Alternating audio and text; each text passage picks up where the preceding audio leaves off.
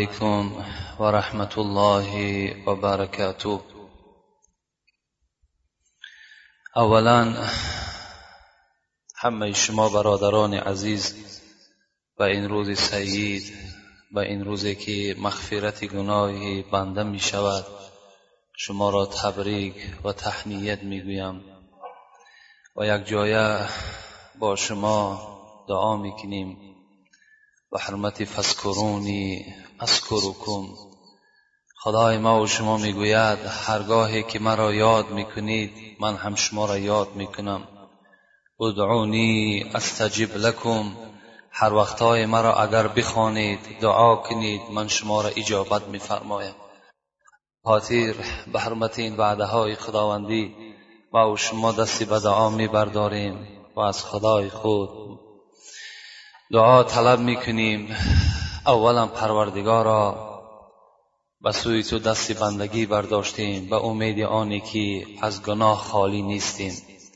خدایا گناه های ما بندگانت را مغفرت بسازی. و خدای مهربان در دل همه ما بندگانت محبت خودت را پیغمبرت را قرآنت را اسلامت را خدایا مستحکمتر جایگیر بگردان. و خود گفتی فاما من ثقلت موازینه فهو فی عیشت راضیه و اما من خفت موازینه فامه حاویه. خداوند می‌گوید هر کسی را که اگر ترازوی اعمالش در روز قیامت وزنین شد از نیکی هر آینه از نعمتهای جنت برخوردار می شود و هر کسی را که اگر ترازوی اعمالش در روز قیامت از نیکی ها سبک شد و بدیهایش زیاد شد فامه هاویه هر آینه دوزخ او را چکار می‌کند به خود می‌کشد و به خود می‌گیرد. پروردگارا با امید این دستی به دعا برداشتیم که خدایا نیکی های ما را در دنیا زیاده بگردان و فردا ترازوی اعمال ما را از نیکی ها پر بگردان. و بدیهای ما را خدایا کوره بساز. و گذشتگان ما را پروردگارا رحمت و مغفرت بگردان. بیماری هایی که در این جمعیت داریم در خاندان داریم همگی را شفای کامل شفای عاجل نصیب و روزی بگردان. مرادها مطلبها مقصودهای نیکی که در دل داریم خدایا با فضل کرم خود همگی را برآورده خیر بگردان. ربنا افتح بیننا و بین قومنا بالحق. و انت خیر الفاتحین برحمتك یا ارحم الراحمین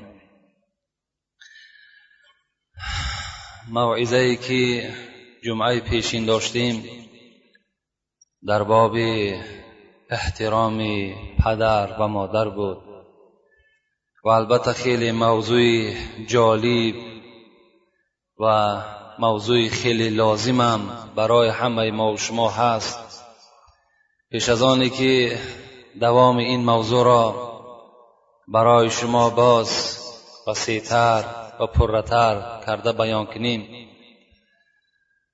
اولا حدیثی از پیغمبر خدا را برای شما تحلیل می‌کنم.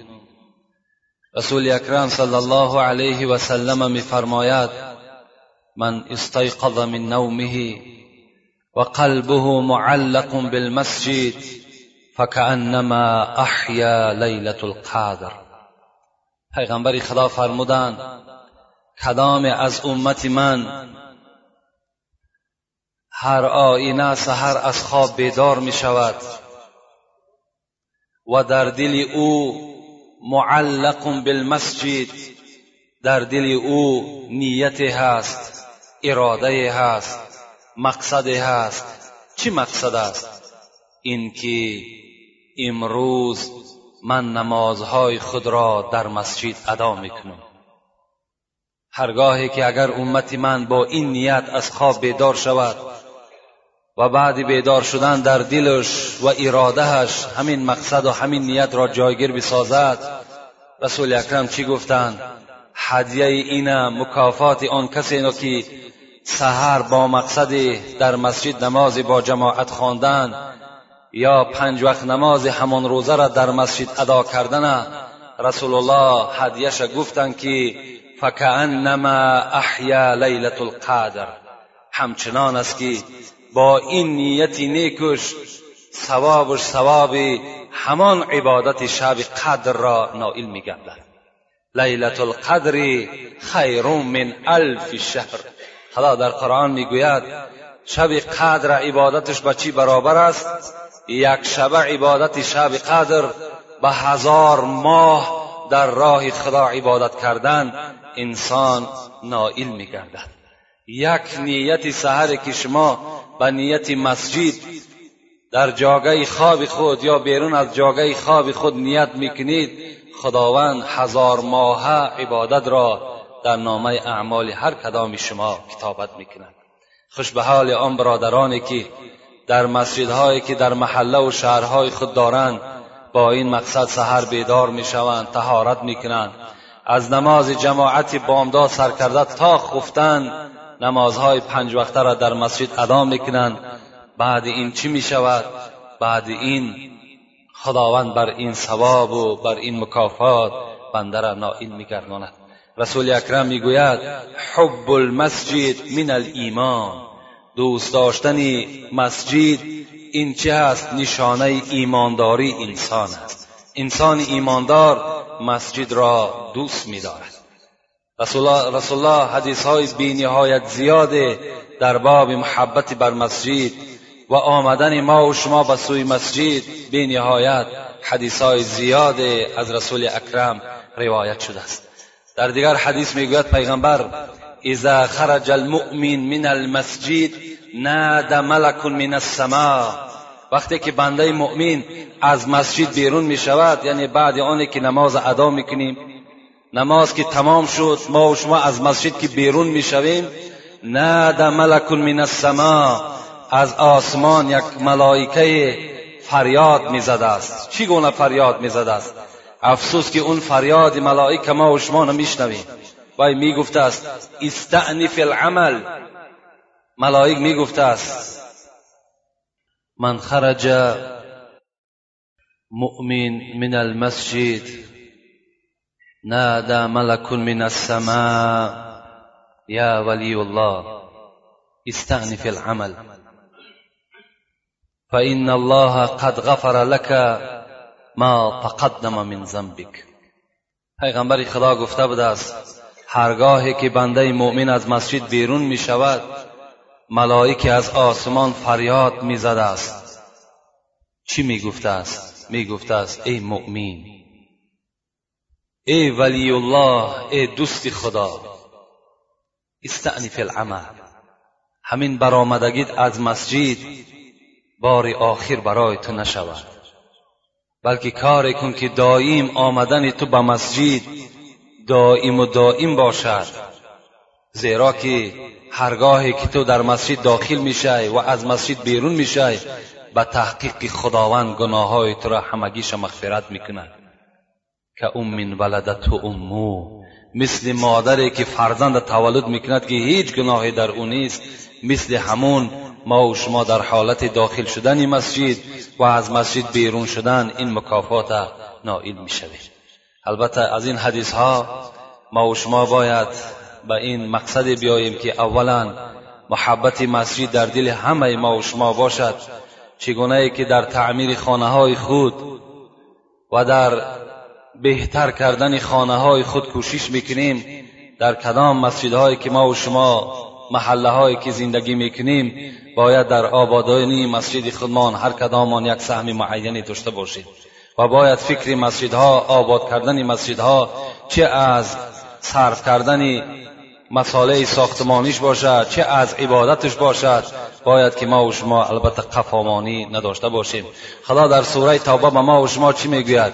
انما یعمر مساجد الله من آمن بالله و بالیوم الاخر و اقام الصلاة و آتوا الزکات ولم یخش الا الله. فعسى اولئک یکونوا من المحتدین در سوره توبه در آیتی از هجدهم این سوره چی می‌گوید؟ خداوند می‌گوید با درستی این که مسجدهای ما را خانه های ما را که ها آباد می‌کنند؟ کسانی که ایمانی بر خدا دارند ایمانی بر روز قیامت دارند ایمانی به پیغمبر دارند اینها کیا هستند؟ کسانی هستند که آباد کننده مسجد هستند. خداوند در دوامش گو ولم یخش الا الله و اینها کسانی هستند که از کسی نمیترسند بجز از خدا. فعسى اولئک یکونوا من المحتدین اگرچند که عصا در معناش به معنای رجا میاد امید میآید لکن ابن کثیر می‌گوید در هر جای قرآن که معنای عصا آمد این به معنای وجوب است. یعنی البته به البت کسانی که آباد کننده مسجد هستند خداوند اینها را در روز قیامت نجات می‌دهد. خوش به حال اون برادرانی که امروز در نمازهای جماعت و یا در عمارتهای مسجد کار می‌کنند؟ سهم خودشان گذاشتگی هستند. یک امی محجون گفتگی یک زن سیاه بود. میگه در دوره های رسول اکرم و دایم کار این مادرمان رفتن همون مسجد بود. خس و خاشاک مسجد از مسجد بیرون می‌کرد. روز از روزها میگه رسول اکرم به قبرستان گذر کردند. و با بین همون قبرستان نگاه کردن که یک تازه قبر دیدن یک قبر نو. گفتن که یاران من این قبری که است گفتن این قبر ام محجون است. گفت همان کسی که مسجد ما و شما را میروفت تازه می‌کرد. گفتم بله. گفتم برای چی در جنازه اون کس ما را دعوت نکردین؟ صحابه گفتم پیغمبر خدا روز گرم بود. و ما نخواستیم که شما را آزار دهیم و در این روزهای سخت و گرمی شما را بیرون از خاندان کنیم. از این خاطر ما خود تکفین و تجهیز این مادر را به جا آوردیم و در بهترین صورت او را بر قبرستان برده گراندیم. رسول الله گفتند اصحاب من شما فراموش نکنید که بر کدام جنازه که من جنازه کنم وی در روز قیامت از شفاعت من برخوردار میگردد. و هر یک مرده که در این محله و دیار می البته مرا بر بالای جنازه اون کس خبر دهید گفته رسول الله چکا کردند به سوی اصحاب؟ این چنین امر کردند و بعدا میگد به سوی همون قبر گشت. گفت ام محجون آیا کدام کار دنیایی برای تو در قبر فایده آور شد؟ میگد مدت ایستاد اصحاب میگد که رسول اکرم هم سکوت کردن بعد مدت به سوی من گشت گفت مادرمان ام محجون به سوی ما ندا کرد که مسجد می رفتم مسجد تازه می کردم. دایم در آبادی مسجد بودم و همین سبب شد که من از فتنه های قبر نجات یافتم. و رسول اکرم گفتند خوش به حال اون بنده ای که در آبادانی مسجد سعی و کوشش دارد. در این باب البته گپ های زیاد در فضیلت مسجد موجود است. عبدالله ابن مسعود. می حدیث سألت النبی ای العمل احب الى الله تعالی؟ حضرت عبدالله ابن مسعود می‌گوید از پیغمبر خدا سوال کردم پیغمبر خدا کدام عمل از همه دیده محبوبتر و شیرینتر و خوبتر به سوی خدا هست؟ رسول اکرم میگه گشته گفتن الصلاه علی وقتها. سه عملی هست گفتن پیغمبر خدا که دوست داشته ترین عمل به سوی خداوند هست. گوش می اندازیم کدام عمل هاست که این عمل ها را خدا دوست می دارد وقتی که خدا که اون عمل دوست داشت ما و شما بر همون عمل اگر چنگ می زدیم ما و شما را خداوند چکار می‌کند؟ دوست می دارد یکم رسول اکرم گفتند نماز در وقتش ادا کردن این یکی از عملهایی هست که خدا این دوست می‌دارد. امروز اکثر سوالهایی که در ما می شود سی دقیقه بعد شام و سی و پنج دقیقه بعد شام و چل دقیقه بعد شام نماز خفتن بخوانیم جایز است یا نه؟ نه البته جایز نیست. بین امروز فتوای علمای ما و شما تا یک نیم ساعت اجازت دادن که بعد شام شما می‌تونید که بعد یک نیم ساعت نماز خفتنتان ادا کنید. مادامی که حکم علماست در گردن ما و شما واجب است اطاعت کردن او. اطیع الله اطیع الرسول و اول الامر منکم اونا اول الامر هستند در ما و شما.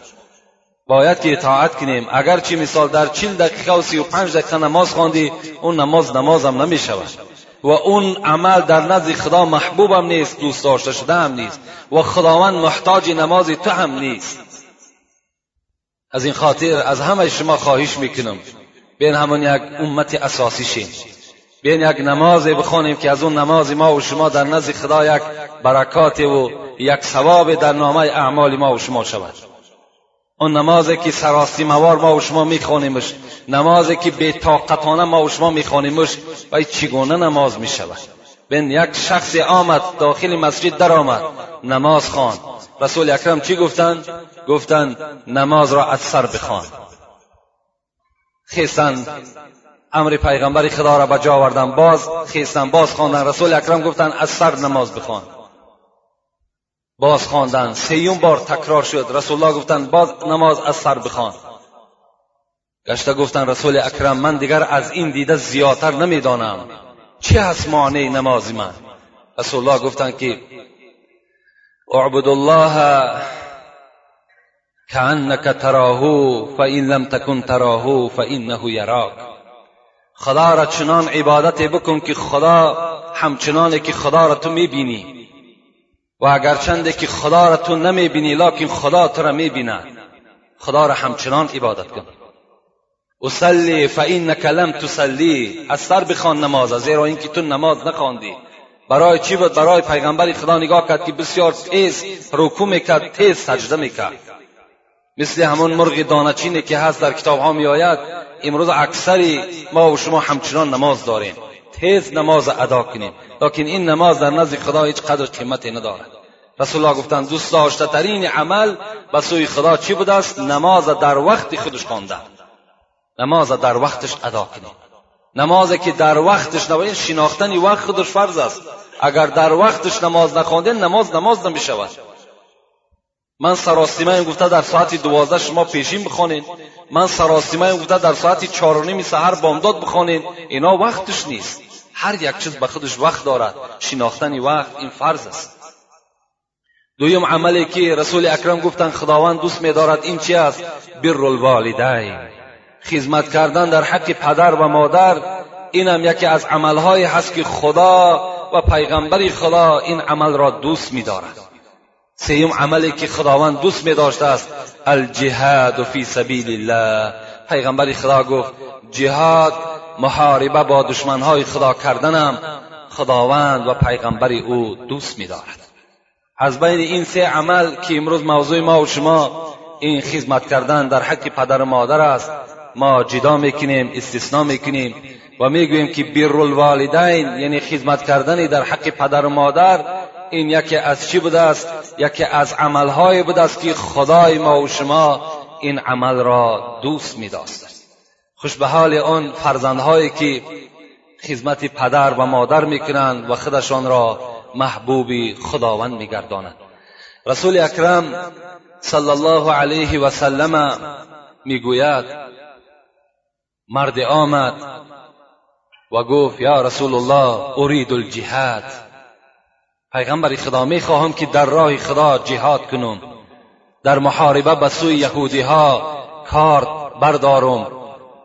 رسول الله گفتند احی و والدک پدر و مادری تو زنده هستند؟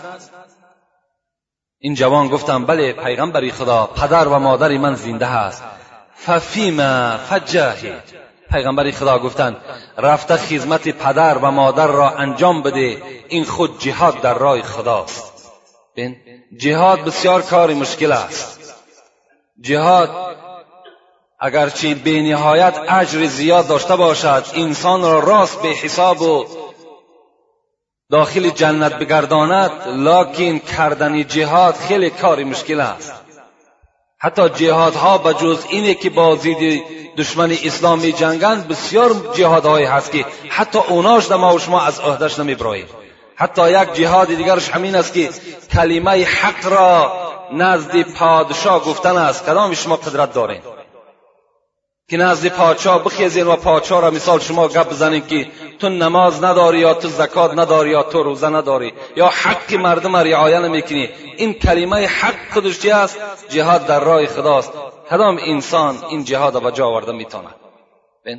اونی که مثال شمشیر میبرداری و از کودک زن میگذری اینش یک جانب همین کلمه حق.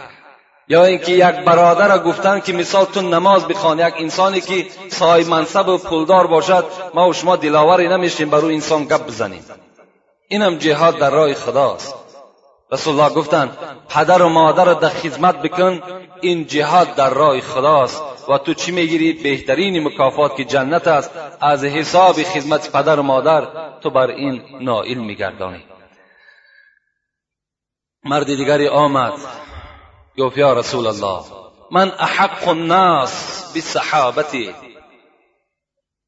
با کی از همه دیده هم صحبتتر شوم؟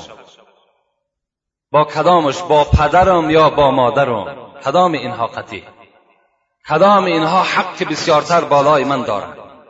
رسول الله چی گفتند؟ امک ثم من قال امک ثم من قال امک ثم من قال ابوک پیغمبر خدا را میگد پرسیدم رسول اکرم گفتند مادرت مادرت از همه دیده حق بسیارتر بالای تو دارد.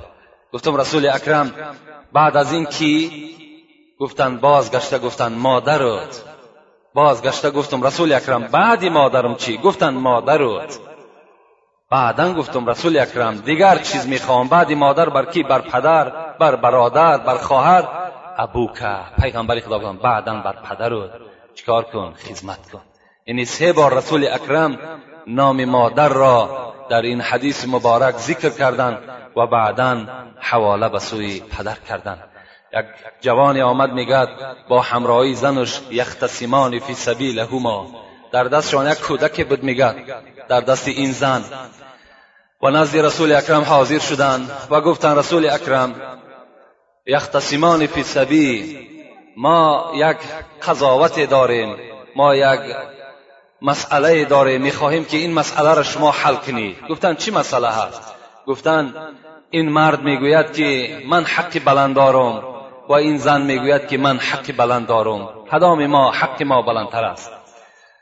مرد میگد به سوی پیغمبر خدا گفت هذا ولدی خرج من صلبی. همین فرزندی که در دست من است پیغمبر خدا همین از پشت من است. همین فرزند من است. میگه این زن گشته گفت زنی همین مرد بود گفت چی گفت؟ گفت در اصل پیغمبر خدا این فرزند فرزند همین مرد است. حمله خفا و وضعه شهوتا لکن همین آبی که همین فرزند از او به دنیا آمده است این بسیار سبک بود در پشت این مرد. این به سبکی برداشتش وقتی که در رحم من پرتافتش از حساب شهوت پرتافتش لكن وزعته كرحا وحملته كرحا وارزعته حولین کاملین. پیغمبری خدا این فرزندی که از آب این مرد در وجود من پیدا شد این من با مشکلات برداشتم.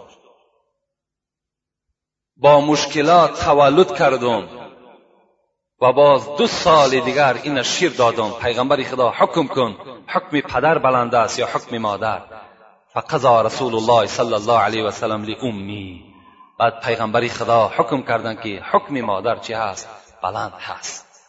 البته به البته حکم مادر بلند بدن شم. اگر ما و شما در سوره لقمان نظر کنیم خدای ما و شما می‌گوید و وصینا الانسان بوالديه حملته امه وهنا على وهن وفصاله في عامين. ان اشكر لي ولوالديك الي المصير. صدق الله العظیم خدا در این سوره قرآن به ما و شما چی سپارش می‌دهد؟ می‌گوید چگونه که جمعه پیشین از سوره اسراء به شما خواندم که از اولش امر پیغمبر بود اینش هم از امر سر می‌شد. و وصینا الانسان. خدا می‌گوید وصیت کردیم فرزند انسان را سپارش دادیم فرزند انسان را امر کردیم فرزند انسان را یا وظیفه گذاشتیم به گردن فرزند انسان چه وظیفه گذاشتیم که پدر و مادرش را احترام کند پدر و مادر را احترام کند حملته امه وحنا علی وحن و فراموش نکند که این فرزندی که امروز به وایه رسیده است این همچنان در یک صورت کلان در دنیا از زمین مثل گندم نروید بلکه این مادر در شکم خود برداشت خدا میگد وحنا علی وحن. مشق علی المشق صاحب تفسیر می‌گوید. یعنی مشکلات و مشکلات روز به روز مشکلات بالای مادر زیاد می‌شد ترا میبرداشت. حملته امه وحنا على وحن. و فصاله فی عامین باز را دو سال دیگر میگه خداوند شیر داد. ان یشکر لی ولی والدی من از شکرانه مرا بجا بیار و بعد شکرانه من شکرانه پدر و مادرتم بجا بیار و الی المصیر. فراموش نکن که بازگشت تو به سوی من است. من از این سفارش و از این وظیفه که بر زیمه تو گذاشتم برای احترام پدر و مادر از تو پرسان می‌کنم که آیا تو اینا بجا آوردی یا نه. عبدالله ابن سلام در دوره های رسول اکرم میگن یهودی بود لکن ایمان آورده بود. این کس وقتی که میگن بیمار شد رسول اکرم همراه اصحابش در مسجد نشسته بودند و آمدن به پیغمبر خدا خبر دادن یا رسول الله عبدالله ابن سلام در حالت نزع جان است. و از شما بسیار تکلیف است که در تلقین کلمه شهادت حضرت اشتراک کنید رسول اکرم از جا خیستند همراه حضرت عمر همراه حضرت علی حضرت بلال خانه عبدالله ابن سلام رفتند رفتن نگاه کردن که البته سکرات موت خیلی مشکل است جان دادن خیلی کاری مشکل است نگاه کردن حال عبدالله خیلی وزنین است و کلمه شهادت بر زبان عبدالله ابن سلام هیچ دور نمی‌زند. رسول اکرم بلال را گفتند بلال از همسر عبدالله سوال کن شوهر او در دنیا چگونه حیاتی خود سپری کرده است؟ بلال وقتی که از همسر این عبدالله سوال کرد همسر عبدالله گفتند به خدا قسم عبدالله هیچگاه نماز خود در خانه نمی‌خواند مگر پنج وقت در نماز در مسجد جماعت از پشت رسول اکرم نماز میخوانده. روزی نبود که عبدالله خیر احسان در راه خدا نکنه. عبدالله اکثر وقت روزدار بودند. من نمی‌دانم که از عبادتهای خدا هیچ تنبلی ندارم. رمضان و عدیت الزکات و حججت البیت فماذا لی صحبت هم یکزارین پیغمبری خدا من پنج وقت نماز می‌خوانم یک مرد گفت. زکات میتم مالدار هستم روزه رمضان می‌گیرم. و حج در راه خدا کردم. فماذا لی حکم من صادر کن. من چگونه آدم هستم من فعل ذلك پیغمبر خدا گفت کسی که اگر همچنان عملهایی که تو نام بر کرده ای فرزندی من انجام داد کان مع النبیین و صدیقین و شهدا و صالحین کسی که اگر این عملهای تو الحال فرزند من نامگیر کردی پنج وقت نماز دادن زکات گرفتن روزه و کردن حج اون کس در روز قیامت همراه پیغمبرها همراه شهدا همراه صادقا و همراه صالحین است الا ان یعوق والدی لیکن گفت پیغمبر خدا مگر در اینجا یک شرطی است؟ مگر اینکه اگر عاقی پدر مادر نشیده باشد؟ روزه داشت زکات می‌داد. روزه می‌گرفت حج کرد لیکن اگر عاقی پدر مادر نباشد. اگر عاقی پدر مادر باشد این عبادت ها برای او هیچ سود و هیچ فایده نداشته است. عبدالله سلام از عبادت هیچ تنقیصی نداشته بوده است. لکن زنش چی گفت؟ فکر می‌کنم گفت که مادرش از عبدالله ناراضی هست. اینش گفت خاطری من ده هست یادی من ده هست که مادر عبدالله از, از عبدالله ناراضی هست. رسول اکرم که از پدر مادر دیدر بر ما و شما شیرینتر و عزیزتر است و غمخوارتر است و باید ما و شما از پدر مادر دیده پیغمبر خدا را دوستتر بداریم. رسول الله به طاقت شدند حضرت عمر و حضرت علی را گفتند نزد مادر عبدالله میرین و از مادر عبدالله پرسان می‌کنین. و از او درخواست می‌کنین که از فرزند خود راضی بشود. حضرت ها خیستن آمدن گفتن تو مادر عبدالله هستی؟ گفتن بله من مادر عبدالله هستم. الحال گفتن میدانی که عبدالله در نزع جان است. مادرشان گفتن نه نمی‌دانم البته وای به حال او فرزندی که از نزع جانش حتی که مادرش درک ندارد. بین فرزند هیچگاه مادر نمی‌خواهد که حتی مصیبت فرزندش بیند. لکن در حالت مصیبت ما و شما اگر مادر ما زنده باشد پدر ما زنده باشد بالای سر ما و شما مغفرت گناه ما و شما را طلب کند این یک تو یک شادی برای ما و شماست. از آنه که در مرده ما و شما نیاید در معرکه ما و شما از حساب ملالی که داشته باشد نیاید این برای ما و شما مصیبت است. گفتند من درک ندارم. لکن من در دنیا و آخرت از عبدالله راضی نیستم. وای به حال اون فرزندی که پدر و مادر می‌گوید من از فرزند خود راضی نیستم. بسیار کلمه دشوار است. کلمه هست که دیگر هم, هم دنیا و هم آخرت فرزند حل می‌کند. من از فرزند خود راضی نیستم. نه در دنیا و نه در آخرت. حضرت عمر حراسان شدند دوان به پیش پیغمبر آمدند گفتند از زبان مادر این سخن صادر شد. رسول اکرم خود خستند. مادر آوردن نزد عبدالله شیناندن گفتند به چهره فرزند خود نظر کن. در حالتی هست که اگر تو راضی نشوی کلمه شهادت بر زبان این فرزند تو نمیگذرد و حال مشکلات مرگ این آسان نمی شود گفتم پیغمبری خدا به حق خدا و پیغمبر که من از این فرزند راضی نیستم. گفتن چرا راضی نمی‌شوی؟ گفت این کسی هست که برای خاطر زنش مرا از خانه خود پیش کردگی هست. برای خاطر زنی خود برای آن که مثال شیرینی و محبت زن در دل او اثر کرد و مرا از خانه خود پیش کرد من چگونه این فرزند ببخشم؟ رسول الله گفتند به حق آن چیزی که به حق آن که من پیغمبری تو هستم و تو امتی من هستی. مادر عزیز از فرزند خود بگذر. از فرزند خود راضی شد میگه این مادر وقتی که این سخن شنید که به حق پیغمبر و به حق امتی بدن تو گو من از فرزند خود راضی شدم. در زمان میگد نگاه کردن که عبدالله با صدای بلند لا اله الا الله محمد رسول الله را میگد. بر زبان خود رانده کردن و به جان به حق تسلیم کردن. رسول اکرم بعد دفن این قبر چی گفتن؟ گفتن که وای به حال اون فرزندی که در دنیا مادر یا پدر از او راضی نباشد. و خوش به حال او فرزندی که در دنیا مادر و پدر چی می شود؟ از او فرزند راضی می شود. خوش به حالی.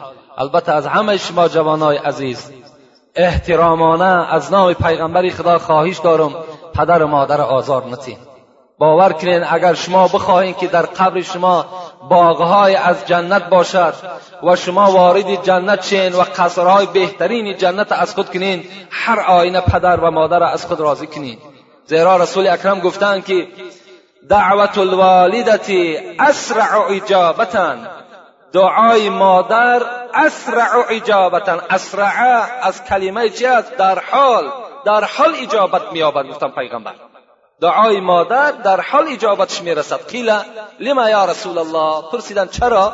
چرا که دعای مادر در حال تاثیر می‌کند؟ گفت هی ارحم من الاب و دعوت الرحیم لا تسقطو. پیغمبری خدا گفتند زیرا که مادر از پدر دیدن رحمتر است.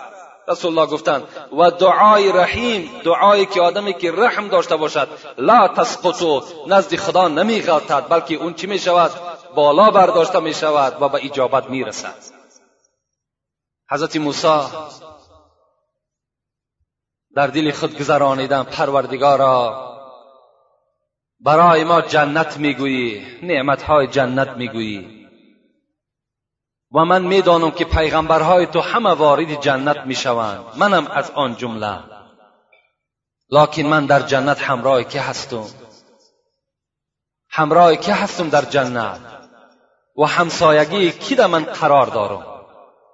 خداوند ندا کرد موسی تو همراه یک قصاب در جنت سکونتی می‌کنی و هم صحبت بیشوی حضرت موسی میگه در حیرت افتادن قصاب؟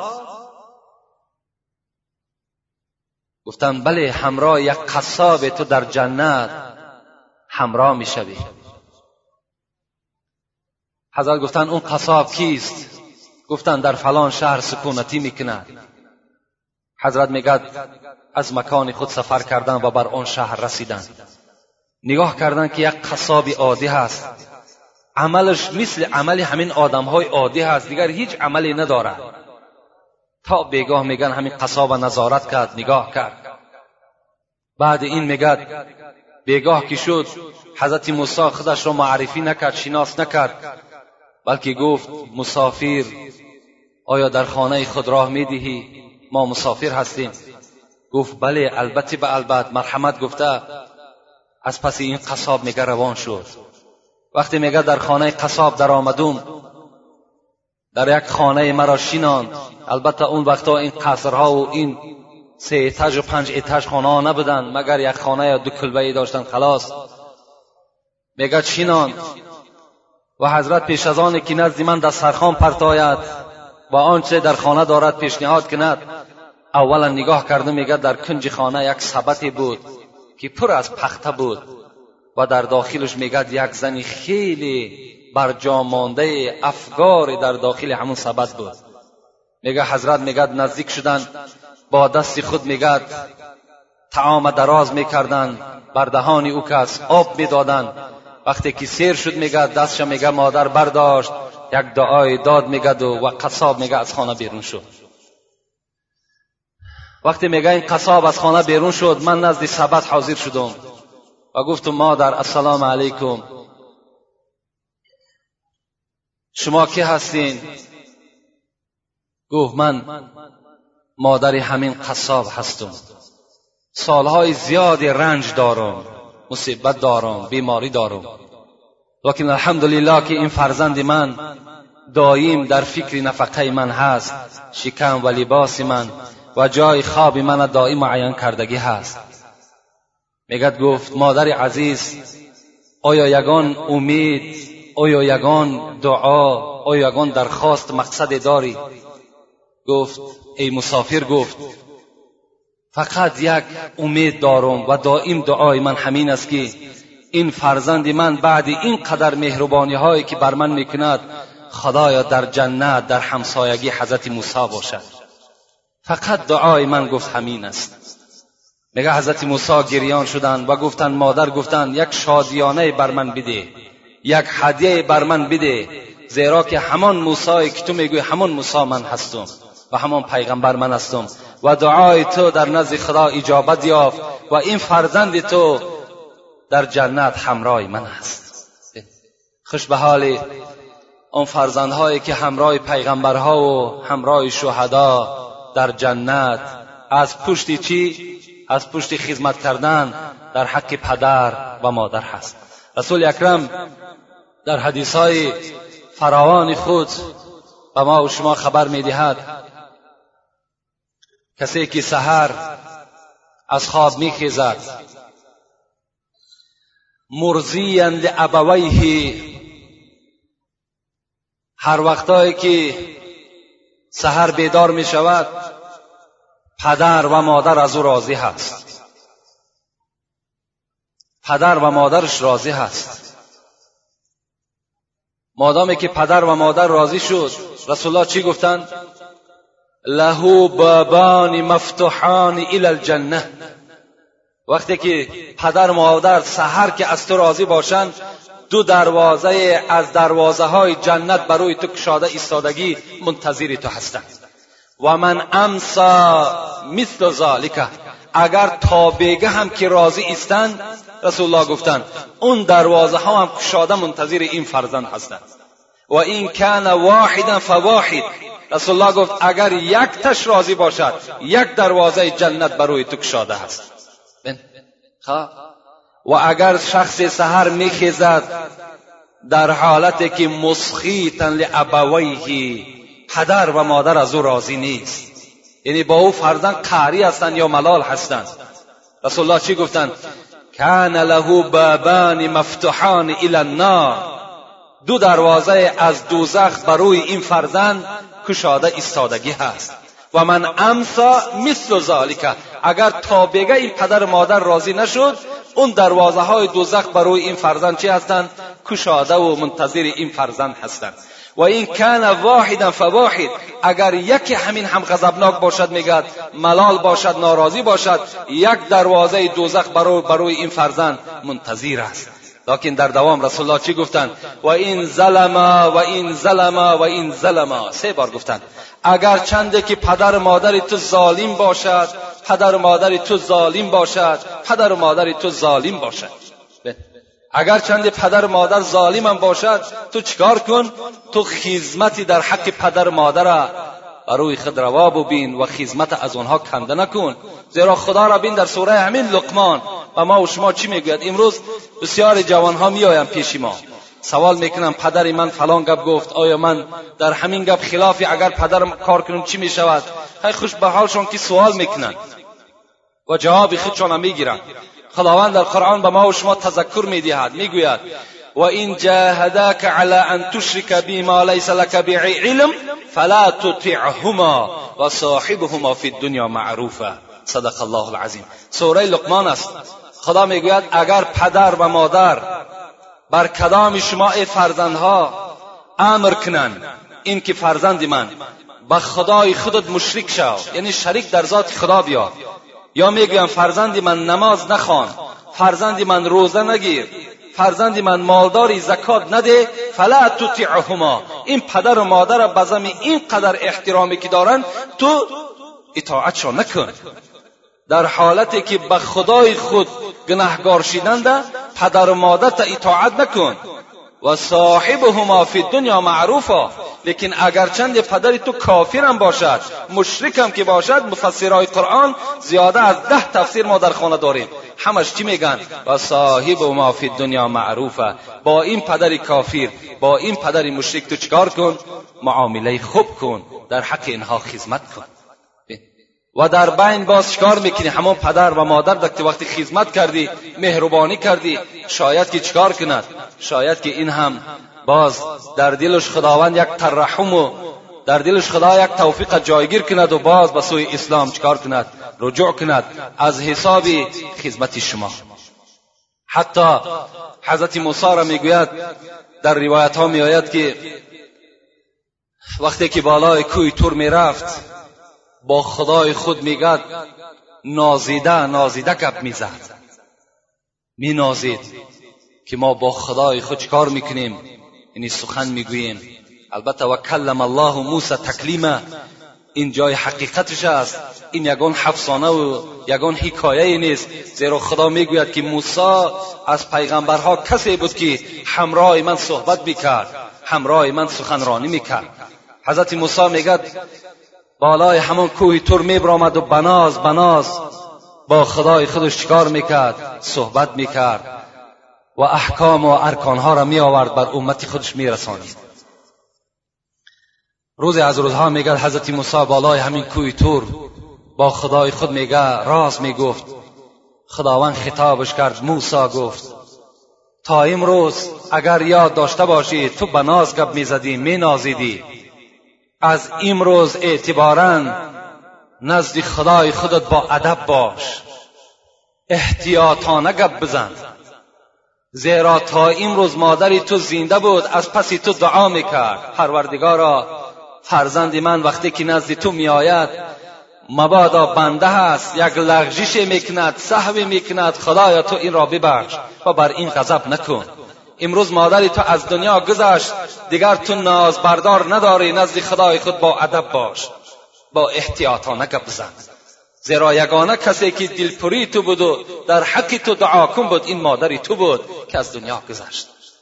خوش به حالی شما فرزندای عزیز برادرای عزیزی که احترام پدر و مادر دارین. کدام شما اگر با پدر و مادر ملالم که باشین امروز چکار کنین؟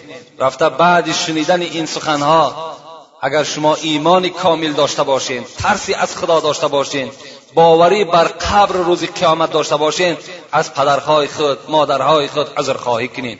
قدمهای اونها را بوسه کنین و اونها را احترام کنین. انشاءالله خداوند شما را چکار می‌کند؟ همه گناه شما را مغفرت می‌کند. حتی پدر و مادرم بعد بخشش فرزند انشاءالله باوری دارم که اونها یک صندوق رحم هستند یک سیله رحم هستند از فرزند در حال چکار می‌کنند گذر می‌کنند و فرزند خودشان میبخشند و از این بزرگها بایزید بستامی هم که خیلی از اولیاهای متقدمین بود حضرت هم از خدمت پدر و مادر به این درجات خیلی بالای رسیدند که قصه های این حضرت بایزید بستامی در کتاب ها خیلی زیاد وارد شدگی است. مگر یک قصه که در حق پدر و مادر چگونه خدمت کردن؟ مولوی جنون در نظم های خود یادآوری می‌کند. می‌گوید چونین فرمود روز آن جگر ریش. چونین فرمود روز آن جگر ریش. و هم فتوحاتی رهی خیش. حضرت بایزید حکایه می‌کند که حضرت میگد روز این جگر سخته راه خدا میگد یک از رنجهای خود از خیلی مشقتهایی که در خدمت مادر کرده است روز حکایت کرد و به چی مکافات نائل شد؟ صحبت داشت. که بودی مادرم در بستری خواب؟ که بودی مادرم در بستری خواب؟ دلش بیدار نامی ذکر وحاب به بالای سری آن ام نائیم به دستم کوزه پر آب قائیم حضرت بایزید بستامی می‌گوید مادر من بیمار شد بیستری شد افگار شد دیگر قوت خیستن نداشت. من که فرزند او بودم من که پیروی قرآن بودم من که پیروی محمد بودم و از خدمت پدر و مادر که آگاه بودم بر بالای سر این مادری خود میگد ایستاده بودم که مادرم فریاد زد فرزندم آب بیار. آمدم میگد و دستم کوزه پر آب قائم آمدم تا آب آوردم که مادرم خواب برده است. کوزه را داشتم در دستم. زی وهمی که مبادا آب گوید. زی وهمی که مبادا آب گوید مرا در جستن آبش بجوید. حضرت می‌گوید من قایم بودنم راست بودنم و چی مقصد بود؟ و مقصدی که شاید که مادرم آب بگد اگر مرا غافل بیابد یا مرا نیابد. چنان کردم در آن شب انتظارش دو دستم خسته شد دل انتظارش. چنان همان شب میگد برای من مشکل آمد که در دستم کوزه خود قایم راست ایستادگی. دو دستم میده شد دل بی قرارش دلم بی قرار می شد دست ها مانده می شد با وقتی صبح شد از خواب بیدار که بودی تشنه لب آن آب تیار. حضرت می‌گوید صبح شد میگد. همان قایم ایستادن من فرمان خدا مرا نگذاشت که من در جای خود بشینم بلکه همان کوزه میگه در دستم و ایستاده.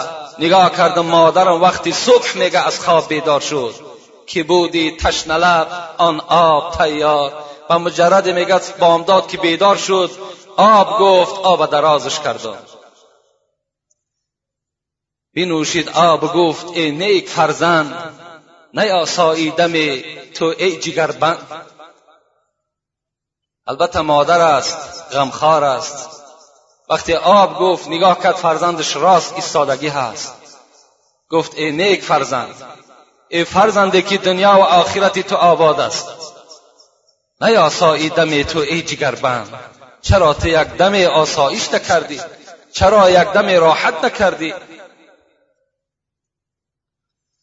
شبی تاری دراز کوزه بردست. شبی تار دراز کوزه بردست. چرا ننشسته ای شیدای سرمست؟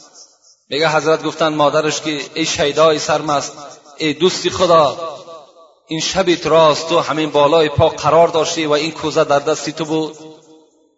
میگه حضرت چی گفتن؟ که گفت از ترس آنکه آب گویی که گفت از ترس آنکه آب گویی اگر غافل شوم هر سو بجویی. گفت از خاطر آن من بالای سر تو ای مادر قرار داشتم که مبادایی که اگر یکی آب می‌گفتی دویم باره من خواب می‌شدم کی بر تو آب می‌داد. زی تأخیرم ملال آید به خاطیر زی آزارت به جانم می‌رسد تیر. اگر تأخیر می‌کردم از تأخیر کردنم میترسیدم. اگر آبد نمی‌دادم بر جان من صدها تیر مصیبت و مشقت آمده می‌رسید. از این خاطر گفت حضرت چکار کردم؟ من بالای پای خود راست ایستادم و خدمت ترا یک شب انجام دادم. از آن دلیابی او در سهرگاه کشاده شد در اسرار الله. حضرت مولوی می‌گوید مادامی که دلیابی کرد مادامی که بر مادر خود خرسند یعنی خدمت کرد. درهای اسرار الهی کشاده شد و میسر شد مراد دل و حکمت. شدم مستغرق فیضان رحمت. وقتی که میگد که اسرار درهای اسرار که کشاده شد چیکار کرد؟ فیض خداوندی رحمت خداوندی بالای من همون شب ریخت با من بر این اولیاگی و به این درجات هایی که رسیدم همه از حساب چی بود؟ از حساب پدر و مادر خدمتش بود. حتی که همین سلطان ویس قرنی که ما و شما داریم همین حضرت هم از خدمت مادر به این درجات رسیدند که رسول الله رسول الله خود حضرت سلطان ویس قرنی را ندیدند لکن به اصحاب خود فرمایش دادند که ابو بکر تو هم سلطان ویس قرنی را نمی بینی لکن عمر تو بر او چکار می‌کنی؟ تو بر او روبرو می‌شوی. این از معجزه های پیغمبر بود که در حدیث های صحیح پیغمبر میگذرد. تو کس می‌بینی و اون کس چکار کن؟ از سلطان ویس قرن تو دعا طلب کن. تو دعا طلب کن. که وای گفتن رسول اکرم وای از کجا می‌شناسیم؟ گفتن کفی دستش سفید است. این کسل های سفید شده باشد. کفی دستش گفتن سفید است. از این گفتن شما حضرت سلطان ویس قرنی را می‌شناسید. از او دعا طلب کنید. بین حضرت عمر یار دویم پیغمبر خدا که رسول الله گفته بود انت فی الجنه ای عمر تو در جنت هستی. باز عمر سپارش داد که دعای حضرت سلطان ویسی قرنی را بگیرید. برای چی؟ برای که او خدمت مادر کردگی است و خدمت پدر کردگی است در مسئله ها میگذرد. کسی که عاقی پدر و عاقی مادر است در امامتش کراهیت است. این اگرچه عالم است اگرچه مفسر قرآن است اگرچه یعنی چی رتباتی نداشته باشد اگر عاق پدر و مادر باشد در نمازی که به مردم می‌خواند کراهیت دارد. تا این اندازه را فقهای ما و شما مهنت ها کردگیند کدام پدر و مادری که از کدام فرزندی که اگر ناراضی گذشته باشد یعنی گذاشته رفتن. برای اونها را هم ابو لیس سمرقندی توصیه می‌دهد. شاید که این فرزندها از حساب نادانی کردند. یا شاید فرزندهایی باشند که این چونین خدمتهایی که الحال من ذکر کردم از گذشته ها شاید این خدمتها را نکرده باشند. و افسوس بخرند که اگر پدر و مادرمان می‌شد هر آینه این خدمتها را می‌کردیم. و دعای اونها را می‌گرفتیم. برای اینها هم وظیفه است. ابولیس سمرقندی می‌گوید برای آن کسانی که افسوس می‌خورند که پدر و مادر از آنها راضی شود و این فرزند اهل جنت شود یا فرزندی که پدر و مادرش از اون ناراضی گذشتگی هست اونها چیکار کنند؟ اونها باید که اولا گفت حضرت ابولیس سمرقندی هم که محدث است می‌گوید که اولا خود فرزند باید صالح باشد. برای که اگر پدر و مادر از او راضی شوند پدر مادری که گذشتگی هستند. بخواهند که اگر اونها را در قبر از خود راضی کند در دنیا خودش صالح باشد. یعنی هم فرزند نمازخوان باشد فرزند حلال خور و حلال رفتار باشد دویم وظیفهش با رفیقهای پدر و مادر رفت آمد داشته باشد سیوم وظیفهش خیر احسان در حق پدر مادر کند اون پدر و مادر از این فرزند در این دنیا راضی می شود اگر چنده که ناراضی هم که از دنیا گذشته رفته باشد. و برای آن کسانی که پدر و مادرشان زنده هستند فراموش نکن که جنت و دوزخ شما در پیش شما هست. اگر راحت جنت می‌خواهین مرحمت. و اگر درهای کشاده دوزخ می‌خواهین هم مرحمت در دنیاست در پیش شماست. لیکن فکر می‌کنیم که عذاب دوزخ ما و شما طاقت نداریم. عذاب دوزخ علاوش آتشش مثل آتش دنیا نیست بلکه هفتاد برابر رسول اکرم گفتند از این آتش دنیا فرق کننده است. شما برای یک تجربه بالا یک همین گاز شما شعلور کنید بالای همون یک بگیم ثانیه دستان بالای همون بدارین. در آتش دنیا شما طاقت ندارین. چگونه مثال آتش دوزخ ما و شما طاقت می‌کنید نداری طاقت یک زخم سوزن نمی ترسی چرا از سوز گلخن؟ البته شما طاقت یک زخم سوزن ندارین. از سوز گلخن از آتش دوزخ چرا شما نمی ترسید آخر دعوانا ان الحمد لله رب العالمین. پروردگارا از ثواب و از اجرهایی که در این امر معروف و نهی از منکر موجود هست خدایا این گوش کننده ها را نصیب روزی بگردانی و خدایا همه ما را محب مسجد و محب پدر و مادر و محب شنیدن امر معروف و نهی از منکر بگردانی و خدایا تمام جوانهای ما را تمام مردم ما را خدمت کننده در حق پدر و مادر بگردان و به دعای نیک این پدر و مادر وارد شدن جنت را بر همه ما خدایا نصیب روزی بگردان. ربنا افتح بیننا و بین قومنا بالحق و انت خیر الفاتحین. السلام علیکم و رحمت الله و برکاته. خیر احسان هایی که در پیش ماست خدای این خیر احسان ها را به درگاهش مقبول بگرداند. و خدایا در هر دو عالم این برادرها را سربلند نگاه بداری. مرادها و مطلوبهاشون خدایا حاصل بسازی. آمین و رب العالمین. خیلی سوال های زیادم در نزد ما در خانه هم هست. چند جمعه هست که فقط ما موضوع گپ می‌زنیم. می‌خوام که جمعه آینده در باب سوال ها و جواب هایی که هست البته سوال جواب می‌کنیم. و خدا خواسته باشد جمعه های آیندهش باز می‌بینیم. که فصل قیامت یا اگه فصل دیگر را به سمع شما میرسونیم.